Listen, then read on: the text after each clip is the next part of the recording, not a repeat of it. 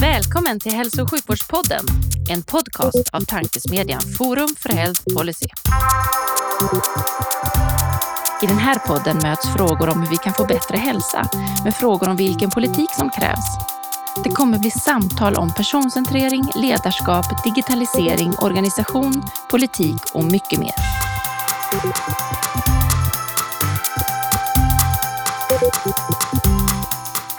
Hej och välkomna till Hälso och sjukvårdspodden, en podcast från Forum för Health Policy. Forum för Health Policy är en oberoende tankesmedja som syftar till att driva på innovation och utveckling i hälso och sjukvården och omsorgen. Jag heter Magnus Lejelöw och arbetar till vardags för Läkemedelsindustriföreningen men är även styrelseledamot i Forum för Health Policy. Och vid min sida sitter Livia. Får vi se vilken titel hon har idag? Jajamensan, idag har jag fortfarande titeln utvecklingschef på Kry och eh, sitter även med som styrelseledamot i Forum för Health Policy.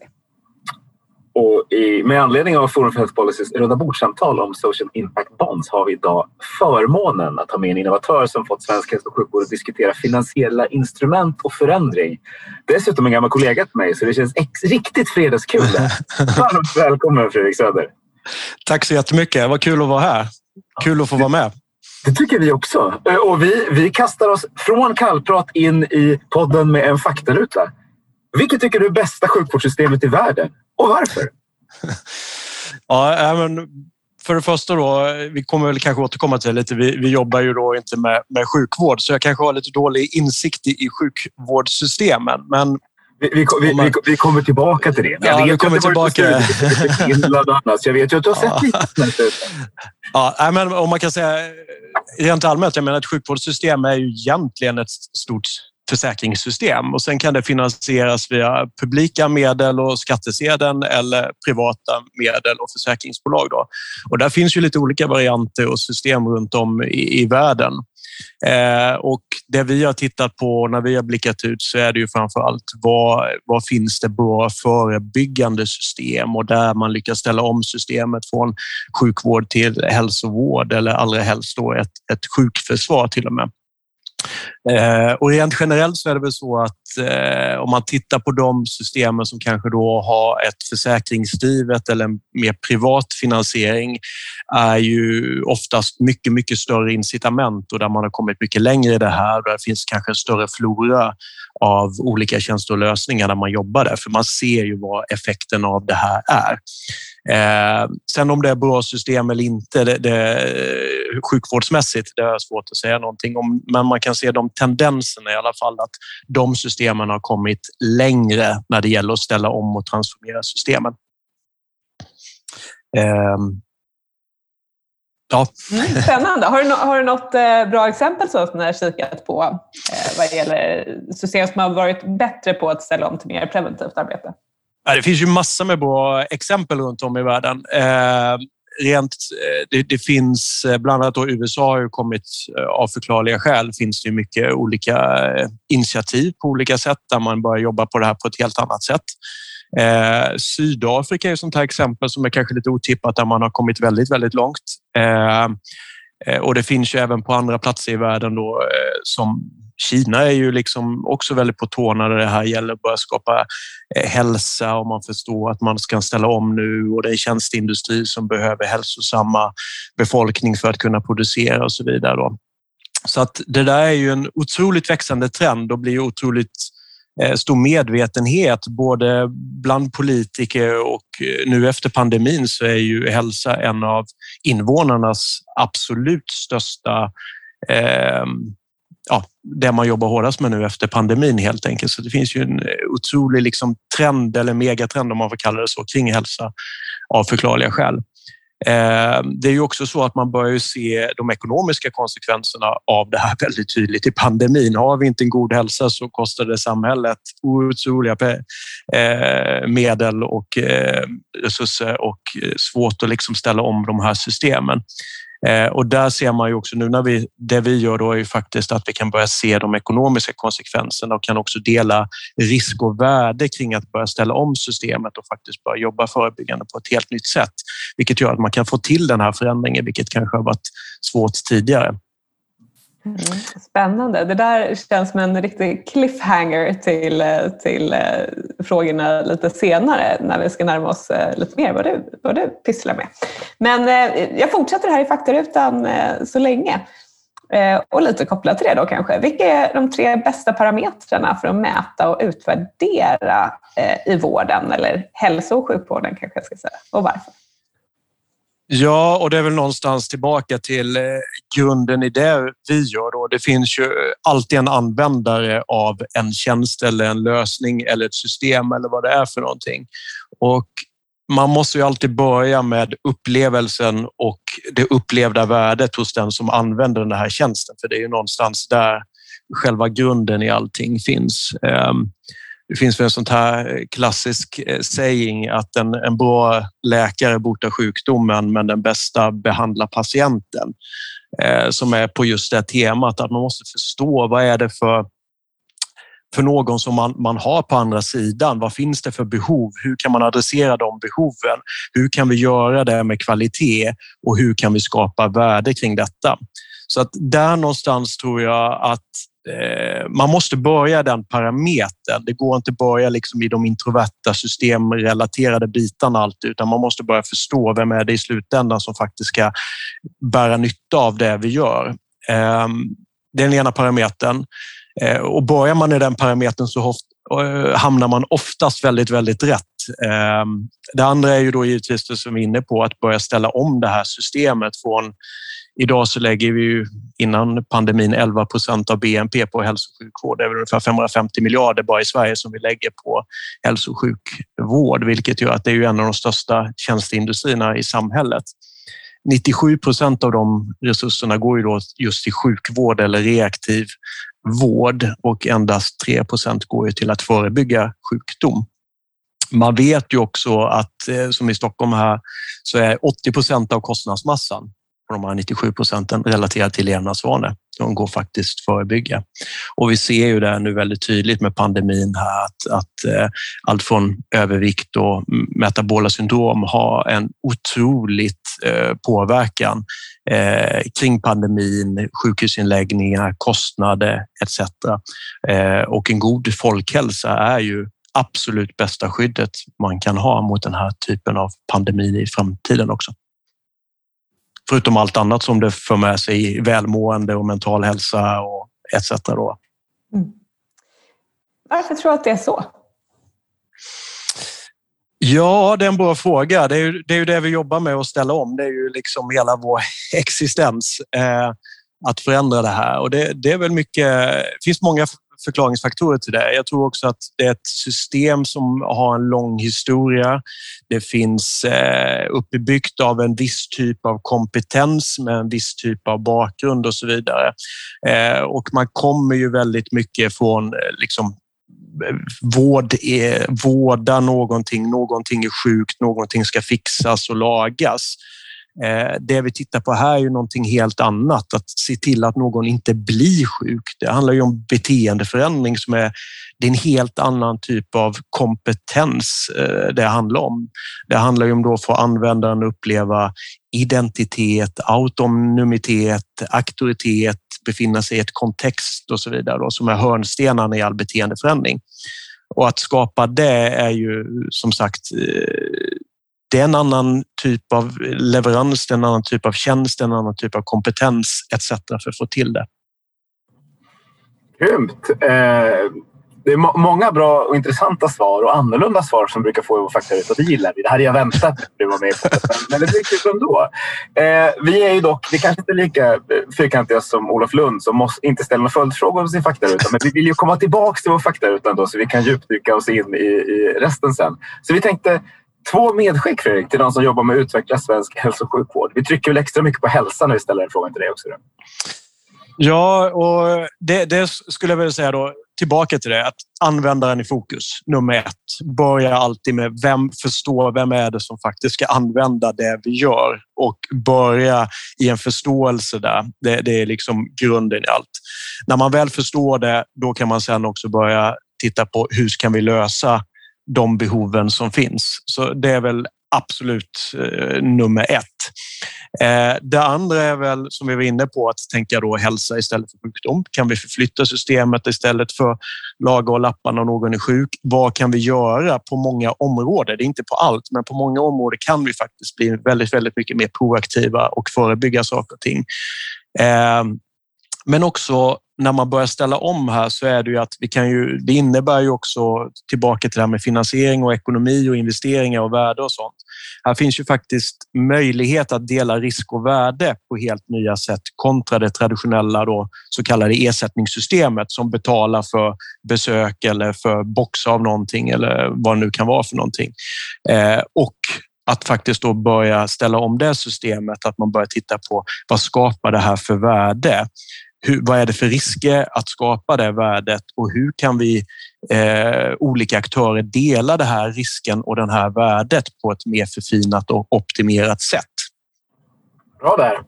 Eh, jo, fundering Fredrik. Du, du, nämner användaren. Det tycker vi är positivt. I, i vården säger väldigt ofta patienten. Så vi, vi funderar på om jag ska ändra lite på frågan här.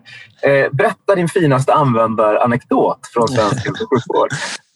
Ja, eh, precis. Äh, men vi, har ju, vi har precis satt igång här nu då med vad vi gör är ju att de är ju inte patienter som, som vi riktar oss till. Det som vi har börjat med nu då i Region Stockholm är ju de som är prediabetiker eller fördiabetiker, det vill säga i riskzonen för att vara typ 2 diabetiker. Eh, och där ligger man ju då som sagt i riskzonen så man är inte patient än. Det är individer som idag eh, vi söker upp och hjälper att få hjälp att förstå att de faktiskt ligger i riskzonen och hitta dem ute i samhället, det vill säga de är inte patienter. Eh, sen kommer några som vi hittar bli eller vara patient alla redan, då se till att de får hjälp och stöd så snabbt som möjligt och att vi upptäcker det här tidigt och att de får den hjälp de behöver. Men de som ligger i riskzonen eh, är ju då eh, faktiskt inte patienter ännu, men kommer vara det inom en viss tidsperiod om de inte får hjälp och stöd. Så att därav kallar vi dem användare. Eh, och det här är ju då användare som oftast är otroligt medvetna om att, att man ligger i riskzonen, men man står också totalt handfallen i vad ska jag göra? Vem ska jag kontakta? Hur får jag hjälp och så vidare? För kontaktar jag min primärvård eller läkare så säger de att ja, du ligger i riskzonen. Om två år kommer du ha diabetes och då kan vi hjälpa dig. Så kom tillbaka då, men just nu kan vi inte göra någonting. Och det är där vi kommer in i bilden att kunna liksom bryta den här trenden och hjälpa dem så de aldrig blir patienter. Eh, bara för att rätta ut begreppen här lite. Eh, och det gör ju också att de här, vad vi är, är ju liksom en, en, en eh, en portal eller en kontakt för de här individerna då, som håller dem i handen, hjälper dem på den här resan och guidar dem genom hela den där strukturen på ett och samma sammanhängda sätt. Eh, och de eh, användarna som, som vi har här och som, som nu då börjar använda den här tjänsten har vi ju alla redan då fått eh, fantastiskt bra respons från. De är otroligt tacksamma för att de får hjälp och stöd. De känner ju då liksom eh, den här lättnaden att här är helt plötsligt någon som kan hjälpa mig, hålla mig i handen, ta tag i de sakerna jag behöver ta tag i och följa mig på den här resan. Vilket gör att den här paralyseringen som de upplever släpper och det är ju också, också en väldigt stor stress som, som är knutet till det här för man Intellektuellt förstår man att man borde göra någonting, men man vet inte var man ska börja så man blir paralyserad. Och det är det här liksom som vi kan hjälpa de här användarna med. Mm. Och det eh, tar oss eh, lite ifrån faktarutan och till eh, dig. Kan du berätta lite mer? Vi, vi har ju presenterat dig med ditt namn hittills, men berätta vad är din roll idag och vi har fått lite lite inblick i vad du arbetar med, men eh, berätta gärna även om, om eh, vad, ni, vad ni gör. Ja, men absolut. Eh, ja, Fredrik Söder heter jag då, som sagt eh, och eh, vd och grundare på ett, för ett bolag som heter Health Integrator. Eh, och det är ju kanske ett litet konstigt namn som många undrar vad det betyder. Och för, att presentera mig då så har jag en bakgrund då, förutom eh, att jobba med Magnus i läkemedel så har jag även en bakgrund i finans och IT. Eh, och finans och IT och framförallt IT är ju en eh, väldigt välutvecklad och avancerad tjänsteindustri idag som kanske är de som ligger längst fram i tjänsteutvecklingen. Och där pratar man väldigt mycket om service integration eller tjänsteintegrator, det vill säga att, att förr i tiden så, så var det en expert på servrar eller nätverk eller något annat som sålde till en annan expert och så satt man och liksom tittade på de komponenterna. Eh, och sen var det någon då, en IT-avdelning något som skulle få ihop det här och få det här till att funka, vilket eh, kunde bli en utmaning ibland för man satt med väldigt bra delkomponenter men de funkade aldrig tillsammans och bildade en funktion. Vad som har hänt i den industrin är att budgeten har flyttats väldigt snabbt från att IT-avdelningen ut till verksamheten. Det kanske är en fabrikschef eller försäljningschef eller någonting som sitter på budget. Det vill säga att det här är en stödfunktion till verksamheten. Man sitter på ett affärsproblem som man behöver lösa, ett verksamhetsproblem. Och då vill man köpa en funktion som levererar det värdet. Och då pratar man om tjänsteintegration, man pratar tjänstelager och man pratar tjänstestack. Det är eh, väldigt nya ord i eh, hälso och sjukvården. Ehm, och vad en integrator gör är egentligen binda ihop de här lagren av olika delkomponenter. Sen bakom kan det vara kanske ett 30-40-tal olika leverantörer av hårdvara, nätverk eh, etc. för att få ihop den här funktionen. Och den funktionen sätter man då KPI på som kanske är tillgänglighet eller någonting annat. Och sen så skriver man ett avtal hur man levererar på, på de KPI-erna. Eh, och det kallas tjänsteintegration eller tjänsteintegrator. Då. Eh, och därav så är vi den första tjänsteintegratorn på hälsa där vi egentligen kombinerar ihop funktionen av alla delkomponenter. Så eh, det är alltifrån att vi skapar då mätning, egentligen steg ett för de här användarna som kommer ombord på plattform, är att vi mäter dem och det är ju då existerande strukturer för att mäta och skapa en dataprofil på användaren. Steg två är att de får, får hjälp och stöd av en hälsopedagog som är utbildad på eh, GH, Gymnastik och idrottshögskolan eller motsvarande, tre års universitetsutbildning i just bara förebyggande hälsa. På tal om att ta in nya kompetenser i det här systemet. Så de är experter på att hjälpa de här individerna till beteendeförändring och hjälpa dem med sin hälsa.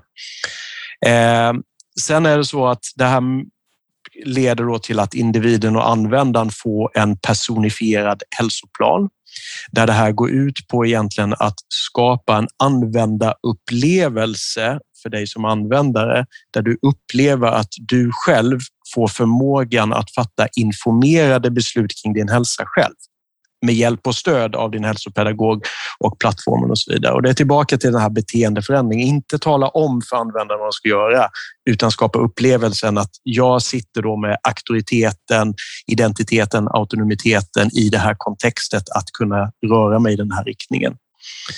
Eh, och så långt då så får vi ett efterfrågan egentligen från alla de här individerna, det vill säga Livia, du kommer ha en, en profil och Magnus kommer ha en profil och jag kommer ha en profil. Det vill säga alla har personifierade profiler. Eh, vad vi skulle kunna göra då är ju som man vanligt jobbar i hälso och sjukvården. Vi utvecklar en app eller någonting som ska lösa allt det här och alla olika behov. Och där kommer vi ganska snabbt till insikten att ja, det finns ju jättemycket bra tjänster, lösningar och produkter där ute som kommer matcha ihop till olika behov för varje olika eh, liksom, individ här. Eh, så vad vi har gjort är att vi har skapat vad vi kallar en marknadsplats eh, med sex kategorier. Eh, det är fysisk aktivitet, det är kost, det är stress, det är sömn, det är rökning, det är alkohol. Sen under varje kategori så faciliterar vi olika tjänsteleverantörer, app köpa produkter etc. inom de olika kategorierna. Där användarens profil med hjälp av hälsopedagogen får hjälp att också när man har gjort en plan vad just jag ska göra faktiskt matcha ihop det med tjänstelösningar och produkter som kan hjälpa mig att nå de målen. Och sen hjälper vi användaren eh, under den här resan och det kontinuerliga samtal och stöd från hälsopedagogen för att sen efter en viss tag komma tillbaka till mätpunkten och kunna då mäta de variablerna som vi har satt upp där för att också då kunna se utfallet och förändringen och deltat från föregående mätpunkt. Så det gör ju att vi kan ju mäta en population. Vi kan konfigurera populationerna olika. Vi kan mäta och hjälpa användaren under tiden så vi ser eh, liksom vad som händer mer eller mindre i realtid. Användaren upplever att de får Eh, liksom hjälp med precis det de behöver, uppleva att de har fattat egna beslut. Det finns en plan som bygger på då den här dataprofilen vi har byggt som då är en actionplan. Så att, och den är personlig dessutom. Så att det är många variabler vi löser i den här konfigurationen. Ehm, så det är väl eh, lite kortfattat vad vi, vad vi håller på med. Ehm, och det gör ju då att tillbaka till det att vi kan ju då leverera ett, ett hälsoutfall där alla får olika tjänster och lösningar i en optimal matchning. Men vi kan också se hur populationen utvecklas eh, där vi då egentligen levererar i detta fallet då ett HbA1c, eh, förbättrat HbA1c till i detta fall då Region Stockholm. Ehm, med det sagt då så är det, ju, det här ett fantastiskt eh, värde för alla aktörer och Region Stockholm då har ju räknat ut att varje krona som de spenderar på Health Integrator kommer ge två kronor tillbaka över en, en femårsperiod. Eh, fantastiskt, 100 return on investment om vi ska prata finans här då. Eh, utmaningen då i hälso och sjukvårdssystemet idag eh, är ju som ni vet att det är budget och kostnadsstyrt. Så även om man vet att om man har stoppat in en krona idag och får två kronor tillbaka så har man ju inte den första kronan tillgänglig för den är ju upplåst i olika budgetar. Eh, och det finns ju ingen som skulle lägga ner en, en eh, vårdenhet eller någonting för att frigöra det ur en budget. Det, det, det händer ju aldrig. Eh, så vad vi har gjort, det här blir, uppstår ju då ett likviditetsgap om vi finansiellt likviditetsgap för man har ju inte den här första kronan. Så vad vi gör då eh, väldigt förenklat är att vi faciliterar så att, att man kan låna upp den här första kronan baserat på den framtida besparingen. Och det gör vi då genom sån här så kallad hälsoobligation eh, där i detta fallet då regionen lånar upp de pengarna av eh, pensions kapitalet. Eh, I detta fallet då är det Skandia som, som står bakom det. Vilket betyder då att det är ju också vårt eget sparande, det största sparande. Oftast är ju vårt största sparande någon pension i olika fonder. Eh, idag har vi väldigt svårt att veta vad de pengarna används för någonstans eller var de investeras eller vad de är så kallat arbetande kapital. Här kan man för första gången då visa väldigt tydligt att titta här, dina pengar förflyttas nu som ett arbetande kapital för att förebygga diabetes i, i Region Stockholm. Och skulle du dessutom då vara i riskzonen så kommer du dessutom kunna få hjälp av den här tjänsten och lösningen att du inte utvecklar diabetes och dessutom kunna få en bättre avkastning på, på det här pensionskapitalet. Eh, den stora finansiella vinnaren är Region Stockholm då, som, som frigör enormt mycket kapital. De har ju själva nu räknat ut att bara de skalar upp det som vi gör idag så är det 1,4 miljarder per år Region Stockholm sparar. Så att, eh, här är ju liksom eh, ja, ganska substantiella eh, belopp vi frigör och då är det bara där vi har börjat idag. Då har vi inte tittat på kardiovaskulära sjukdomar, mental hälsa, barnfetma etc. som, som är samma typ av logik här. Så att, eh, det, det, är ju ganska stora resurser rent finansiellt som vi kan börja frigöra i systemet som då faktiskt kan användas för att förbättra cancervård eller annat då, som, där det finns stora behov idag att faktiskt kunna utveckla den verksamheten som, som då har en annan typ av logik bakom sig. Du gör ju lätt jobb för mig och Olivia. För tio minuter sedan fick du frågan vad gör du idag? Och nu har du berättat hela det snyggt. Ja. Eh, men jag tänkte vi, kan, vi fortsätter på... Slut, slut på frågor där kanske? Nej, vi har så många frågor. Det är bara fyra timmar senare får vi fundera på vad lyssnarna hur långt de har sprungit egentligen.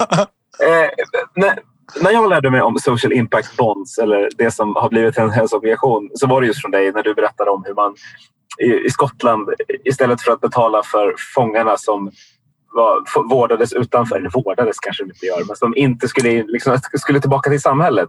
Mm. Eh, istället så fick man betalt för de som inte kom in på fängelset, kom, till, kom tillbaka, vilket gör att man tjänar pengar. Malaysiska militären och amerikanska poliser. Jag har lyssnat mm. lite.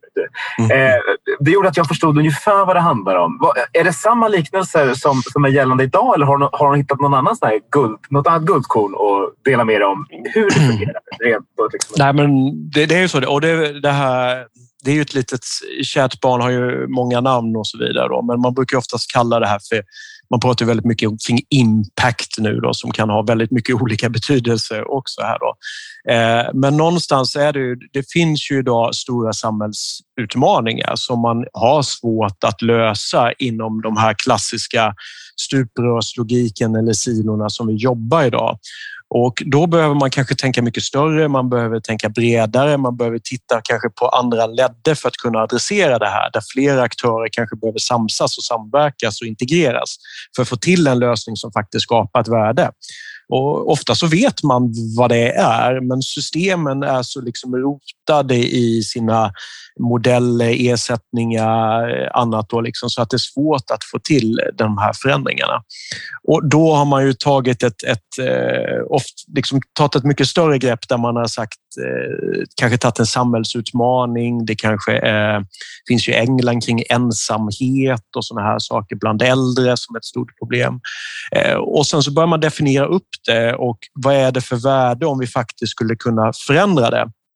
Och eh, då sen också börja finansiera det genom att det kanske är andra typer av kapital som skulle vara villiga att delfinansiera det här mot att man också då får en del av värdet. Och det är ju ingenting konstigt. Jag menar, det är ju så vi all annan verksamhet i hela samhället från att vi köper hus och bilar till annat är ju finansierat, det vill säga det är ju någon form av man lånar någonting för att skapa ett, ett värde över, över tiden.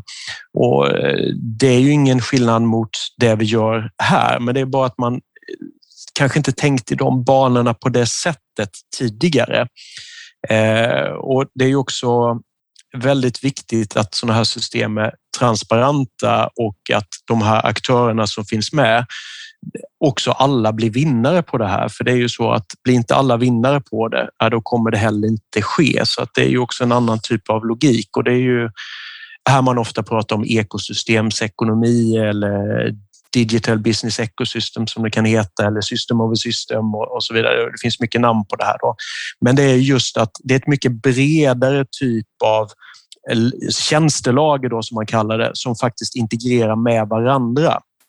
Och det är väl lite som biologin för att prata sjuk, eh, sjukvård här. Då, Det är olika celler som som faktiskt konstant förändrar sig i förhållande till hur de andra cellerna runt omkring agerar. Och då är det att den här cellen måste ju då ständigt vara i omvandling. Och det är väl lite det tillbaka, Livia, där du nämnde om system och varför händer inte det här och så vidare. Det är ju så att vi rör oss in i en värld nu som förändrar sig snabbare och snabbare än någonsin. Vi har en teknologisk innovation som går med ljusets hastighet. Eh, vi har massor med saker som konstant förändrar sig. Och då är det väldigt svårt att bygga någonting, testa det och säga det har funkat bra över fem år, nu lanserar vi det. Då. För att om fem år så kommer världen se så annorlunda ut så att den dagen är det man har då validerat är ju helt obsolet. Så att här handlar det väldigt mycket om att ständigt vara i kontinuerlig förändring i förhållande till hur eh, omgivande strukturer ser ut och ständigt omvandla det i uppdaterade nya då, eh, tjänster och lösningar. Mm. De här omgivande strukturerna, då, då vårdens eh, grundstruktur eh, kanske inte förändras lika snabbt alltid som omvärlden. Hur, ehm, dina tankar och idéer kring det här och det arbete som ni gör nu, till exempel Region Stockholm, hur upplever du att det tas emot av, av vården? För jag tänker att om ni lyckas riktigt bra, då mm. ska vi förhoppningsvis eh, i framtiden ha färre mm. mottagningar för diabetiker eller kroniker och så vidare. Mm. det kommer kräva en ganska stor omställning från systemperspektiv. Vad, möter ni, eh, möts ni av liksom optimism eller möts ni av skepsis? Är man eh, orolig för förändringar? Vad, vad möter ni? Ja, det är ju, så är det ju alltid. När någonting är nytt och annorlunda så är det ju människans natur att man blir, blir orolig. Samtidigt så är det ju så att vi står ju i takt med att världen förändras otroligt snabbt och nu med pandemin har vi sett förändringar som, som normalt sett kanske tar tioårsperioder som sker över några månader. Och det är ju så att eh, här finns ju också en extrem medvetenhet att fortsätta som vi gör idag är ingen väg framåt för det kommer vi förstå eh, vart, vart det leder. Och det gör ju att vi måste ju eh, tvingas ju göra saker och ting på ett annorlunda sätt för att helt enkelt överleva. Det är ju så att det här systemet som vi har idag, det kommer inte överleva om vi inte börjar förändra, förädla, vidareutveckla, förfina eh, hela det systemet. Eh, och eh, det ser vi ju nu när belastningar på ett sådant system blir otroligt hårda. Då blir ju också eh, viljan, förmågan och initiativen att förändra det väldigt, väldigt stora. Så att eh, här är ju, det är en fantastiskt bra timing att faktiskt börja titta på vilka möjligheter som finns att börja förfina och förädla här.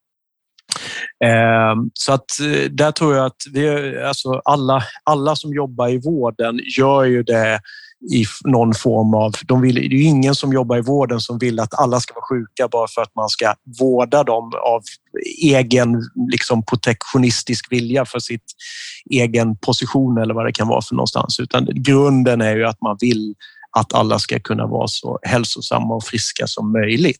Men sen så kommer vi alltid ha behov av att kunna bli sjuka på, på olika saker som, och då gäller det snarare att fokusera resurserna på det. Men idag belastas systemet otroligt mycket av sådana saker som man kanske inte skulle behöva belastas av.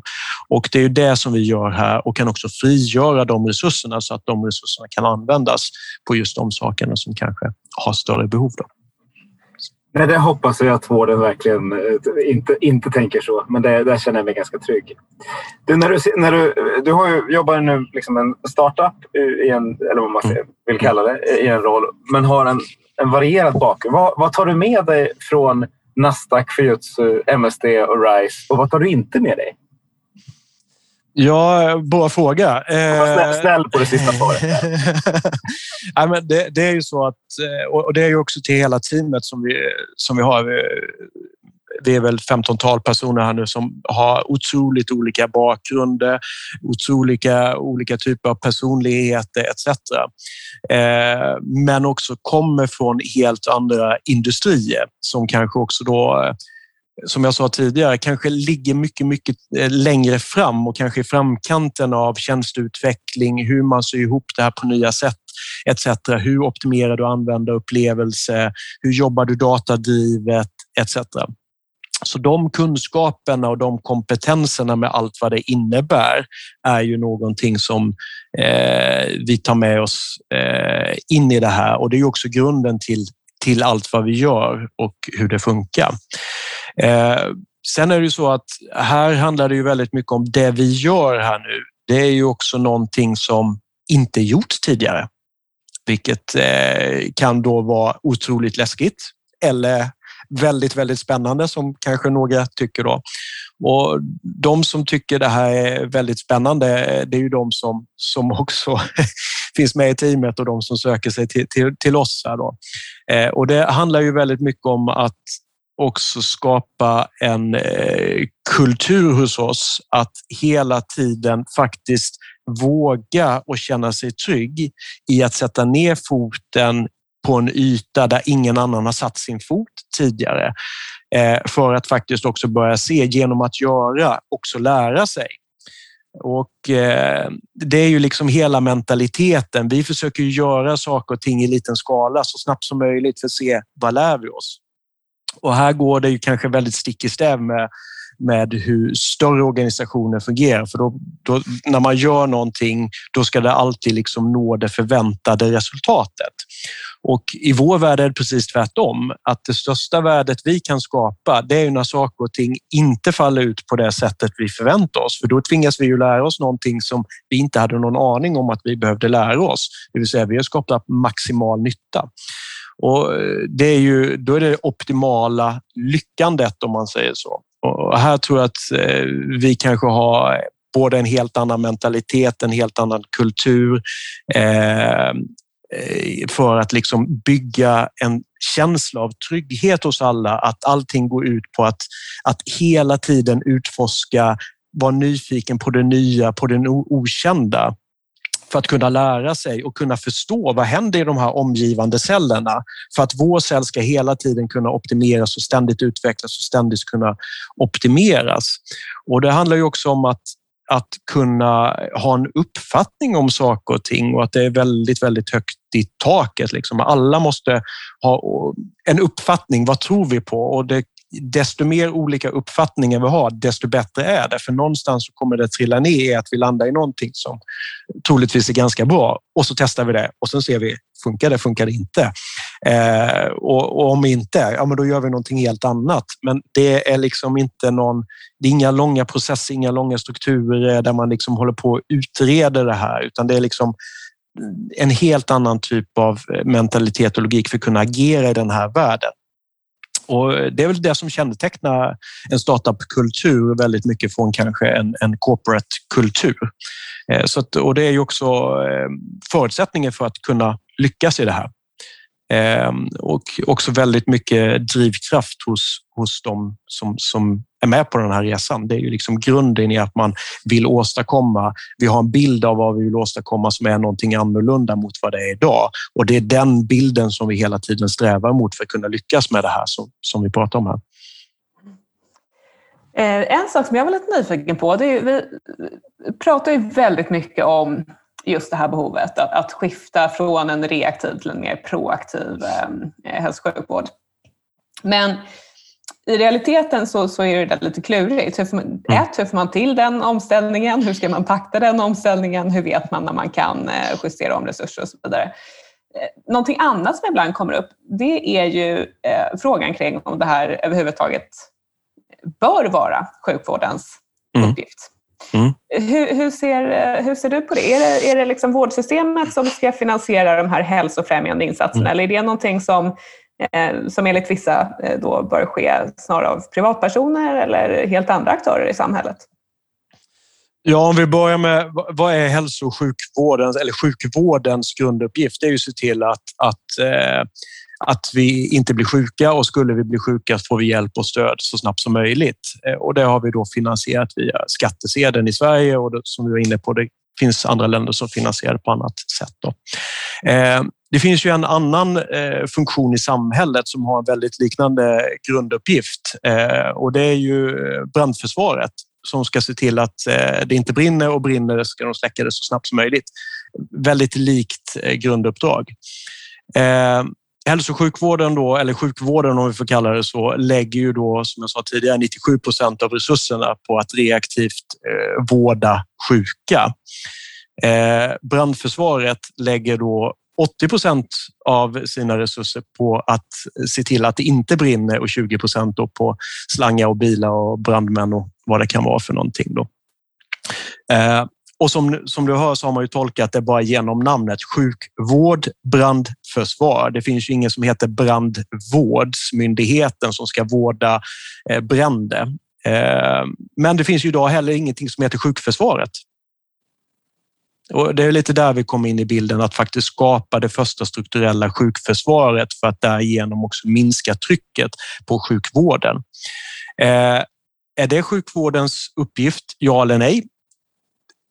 Jag vet faktiskt inte. Kanske, kanske inte. Men jag tror att det finns en väldigt stor vinning i sjukvårdssystemet, precis med det vi gör idag, som vi ser, där man faktiskt kan ta en del av sitt ansvar att faktiskt också finansiera den här typen av lösningar. De individerna här då som vi börjar med är 50 till 60 år som ligger i riskzonen. Här har ju då eh, sjukvården en stor eh, vinning på det, det vill säga att de finansierar det som, som eh, det här stödet och hjälpen. Men de här individerna är också arbetstagare, det vill säga det finns en arbetsgivare som har väldigt stor vinning av detta. Det finns försäkringsbolag som skulle ha en väldigt stor vinning av att om jag låg i riskzonen faktiskt inte blir sjuk etc. Då. Så vad vi gör på den här plattformen också är ju att kunna kanalisera de resurserna och förstärka användarna med de resurserna i det här systemet så att vi samlar det runt användaren istället för som det är idag. Användaren blir helt paralyserad för de förstår inte hur de ska få hjälp och stöd överhuvudtaget. Här kan vi samla alla resurserna och förstärka mig som användare om jag ligger i riskzonen för att faktiskt få det här hjälpen och stödet. Så att Ja, det är ju flera eh, faktorer in i det här och även individen själv eh, behöver ju också då eh, ha, investera sitt engagemang och, och så vidare in i det här och vilja göra detta då, som också grunden i det. För att det är ju så att vi måste också vara tydliga. Vad är det vi kan hjälpa de här användarna med? Grymt. Och först måste jag då säga till alla oss hobbypyromaner där ute att man kan visst vårda eldar. Jag har vårdat många eld. Eh, men bra liknelse oavsett. Eh, du, Fredrik, vi brukar ställa frågan vad betyder digitalisering för dig? Eh, vi tänkte ställa den till dig också. Um, ja, bra fråga. Ingenting höll jag på att säga. det Ja, vad är digitalt? Bra svar också. Ja, det, allt i min värld så är visst, det kan vara digitalt och analogt och, och, och så vidare, men, men eh, allt, allt som vi gör är ju idag någon form av digitalt. Det är mer ett sätt att, att liksom ett verktyg att göra olika saker. Frågan är ju vad du gör med det. Sen om det är analogt eller digitalt, det, det är ju sekundärt för att det är ju igen vad är det för något? Vad är det för användare? Hur optimerar vi liksom upplevelsen kring användaren? Eh, och den kan vara både digital och analog. Och jag tror att idag så pratar vi väldigt mycket om det digitala. Jag tror att väldigt mycket, som vi är ett exempel på här, då, går faktiskt att göra digitalt och göra väldigt mycket effektivare. Men jag tror också väldigt, vi får inte glömma bort att, att det analoga kan ju också vara otroligt mycket värdeskapande. Jag menar det personliga mötet etc. Då. Ehm, och där ser vi ju, jag menar det går ju trender i det här, jag menar ta eh, kanske dåligt exempel, men, men, musik till exempel. Då. Det, var ju, det skulle ju bli digitalt och det gick från LP-skiva till CD-skiva till att vi började ladda ner det på nätet etc. Då. Och nu så är det ju då LP-skivor, det börjar ska vara analogt då för det ska vara liksom en känsla, alltså det förstärker känslan att det finns någonting som är, är raspigt, det är orent, det känns genuint etc. Då. Och, och då blir det analoga, det lyxiga igen då, vilket eh, är ganska fascinerande. Eh, idag så pratade vi om att då, vården ska bli digitalt och allt måste, liksom hela den. Eh, men det kanske är så att om fem år så kanske det analoga är det alla vill. Alla kräver att jag måste få ett analogt möte för nu är allting digitalt. Då blir det liksom efterfrågan på det analoga istället. Eh, så att eh, för att svara på din fråga, jag tror att, och det är väldigt mycket det vi gör i, i det här. Vi kombinerar ju digitala och analoga, för det är där jag tror superkraften finns, att ett plus ett blir tre. Eh, så att jag tror inte det är antingen eller, utan igen fokusera på vad är det vi ska göra? Vem är det som ska använda det här? Hur skapar vi maximal användarupplevelse och nytta för de som använder tjänsten? Sen kan den vara en kombination av flera saker. Du är inne väldigt mycket på det här med att man behöver utgå ifrån slutanvändaren. Mm. Eh, i, allt vi gör egentligen. Och en annan fråga som vi brukar djupdyka lite i det är hur man skapar en mer patientcentrerad vård. Men vad, vad är din bild i, eh, alltså kopplat till det? Hur, hur tänker ni kring det här? Hur arbetar ni? Finns det någonting som, som andra kan lära av, av er? Ja, och det blir ett främmande, för oss blir det ett väldigt främmande begrepp eh, för att eh, tänker man inte så, hur har man då tänkt om man inte har tänkt så från början? Det blir kanske den största frågan här. Eh, för, för, vi som då kanske kommer med med, med den här typen av andra industrier i bakgrunden och erfarenheter därifrån. Eh, tänker ju så hela tiden, varje dag, hela tiden. För det är ju det som ligger framför våra ögon hela tiden. Hur kan vi göra det här lite bättre, lite mer optimerat, lite mer liksom värdeskapande? Eh, och det är ju hela drivkraften i att kunna skapa en fantastisk användarupplevelse. För det är ju där värde skapas. Har vi inte användare som, som, som eh, känner ett värde av det som, som görs, finns det någon existensberättigande för det vi gör då? Givet att det här ändå, jag tänker det här är ju en... Eh, jag tror att de flesta som, som arbetar inom, inom alla branscher tänker att man, man utgår från slutanvändaren. Men det är ändå en fråga som, som dyker upp och det är någonting som många så att säga, kämpar jobbar med? Alltså hur de facto säkerställer vi att vi arbetar på det här sättet? Mm. Finns det, eh, liksom, ligger det i kulturen eller finns det verktyg som man kan ta till för att och, liksom, säkerställa att man, man levererar mot, mot det tankesättet eller det löftet? Ja, det är en bra, bra, bra, fråga, men också jag tror väldigt stor och komplex. Jag tror att det är massor med olika faktorer in där. Du nämnde kulturen är givetvis en otroligt bidragande sak. Jag tror att Eh, kompetens och variation av olika kompetenser. För det är ju variationen av eh, olika kompetenser som skapar dynamiken som gör att man kan se saker och ting i kanske helt motsatta perspektiv mot hur det fungerar idag. Eh, och jag tror att det är den, lite det jag var inne på innan, att, att skapa det här höjden i taket där ingenting är rätt och fel utan liksom man tillsammans liksom börjar titta på det här med, med väldigt olika perspektiv för att sen tratta ner det till någonting som man då börja eh, göra och sen också datadrivet validera för att sen se vad blev resultatet. Eh, så den logiken i de stegen tror jag är liksom Börjar man där så som sagt, då hamnar man oftast väldigt, väldigt rätt. Eh, för då kommer man liksom gå och börja röra sig i rätt riktning. Sen är det ju så att eh, det här är ju stora organisationer, stora system. Det finns ju en, en, en stor kultur eh, som, som finns då historiskt här. Då. Eh, och här handlar det kanske också väldigt mycket om när man börjar transformera sig som alltid. Då. Det är ju tredjedelsregeln, det vill säga en tredjedel av organisationen är alltid med på tåget. En tredjedel är med med lite pushning och en tredjedel kommer kanske aldrig vara med på det här. Då är det ju liksom en sån här klassisk transformationsregel när saker och ting börjar förändra sig väldigt snabbt. Då. Eh, och där är det ju tillbaka till eh, ledarskap, det vill säga någon som faktiskt kan måla upp en bild av en annan verklighet i framtiden, eh, börja leda andra i den riktningen, ha modet att våga börja måla upp den bilden och börja röra sig i den riktningen. Eh, men också att det finns en kultur som tillåter det. Så de tre elementen är ju också grunden för att, att börja få igång den typen av rörelse här. Mm.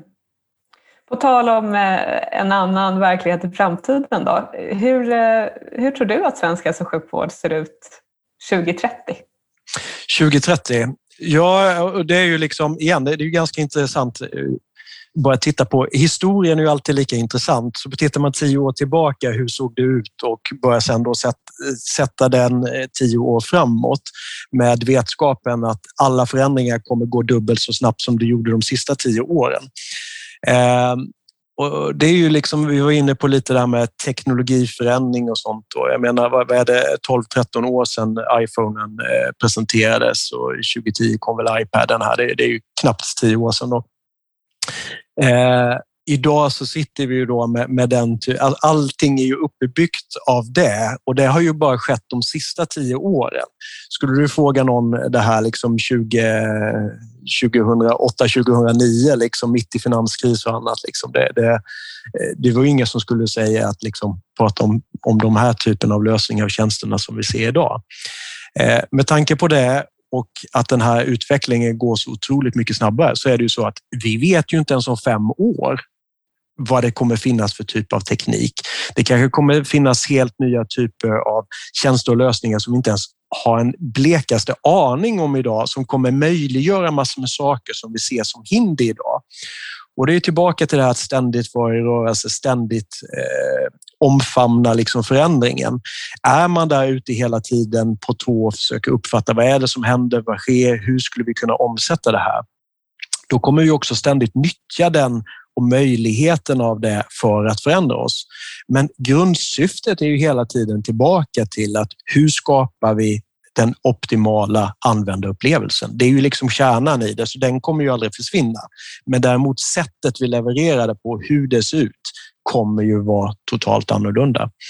Eh, så att det är ju ett exempel. Det andra tror jag är det som vi är inne på, det vi gör väldigt mycket, att, att hitta nya sätt att dela risk och värde mellan ett bredare sätt av aktörer kontra hur det fungerar idag, där det är väldigt liksom, eh, siloorienterat.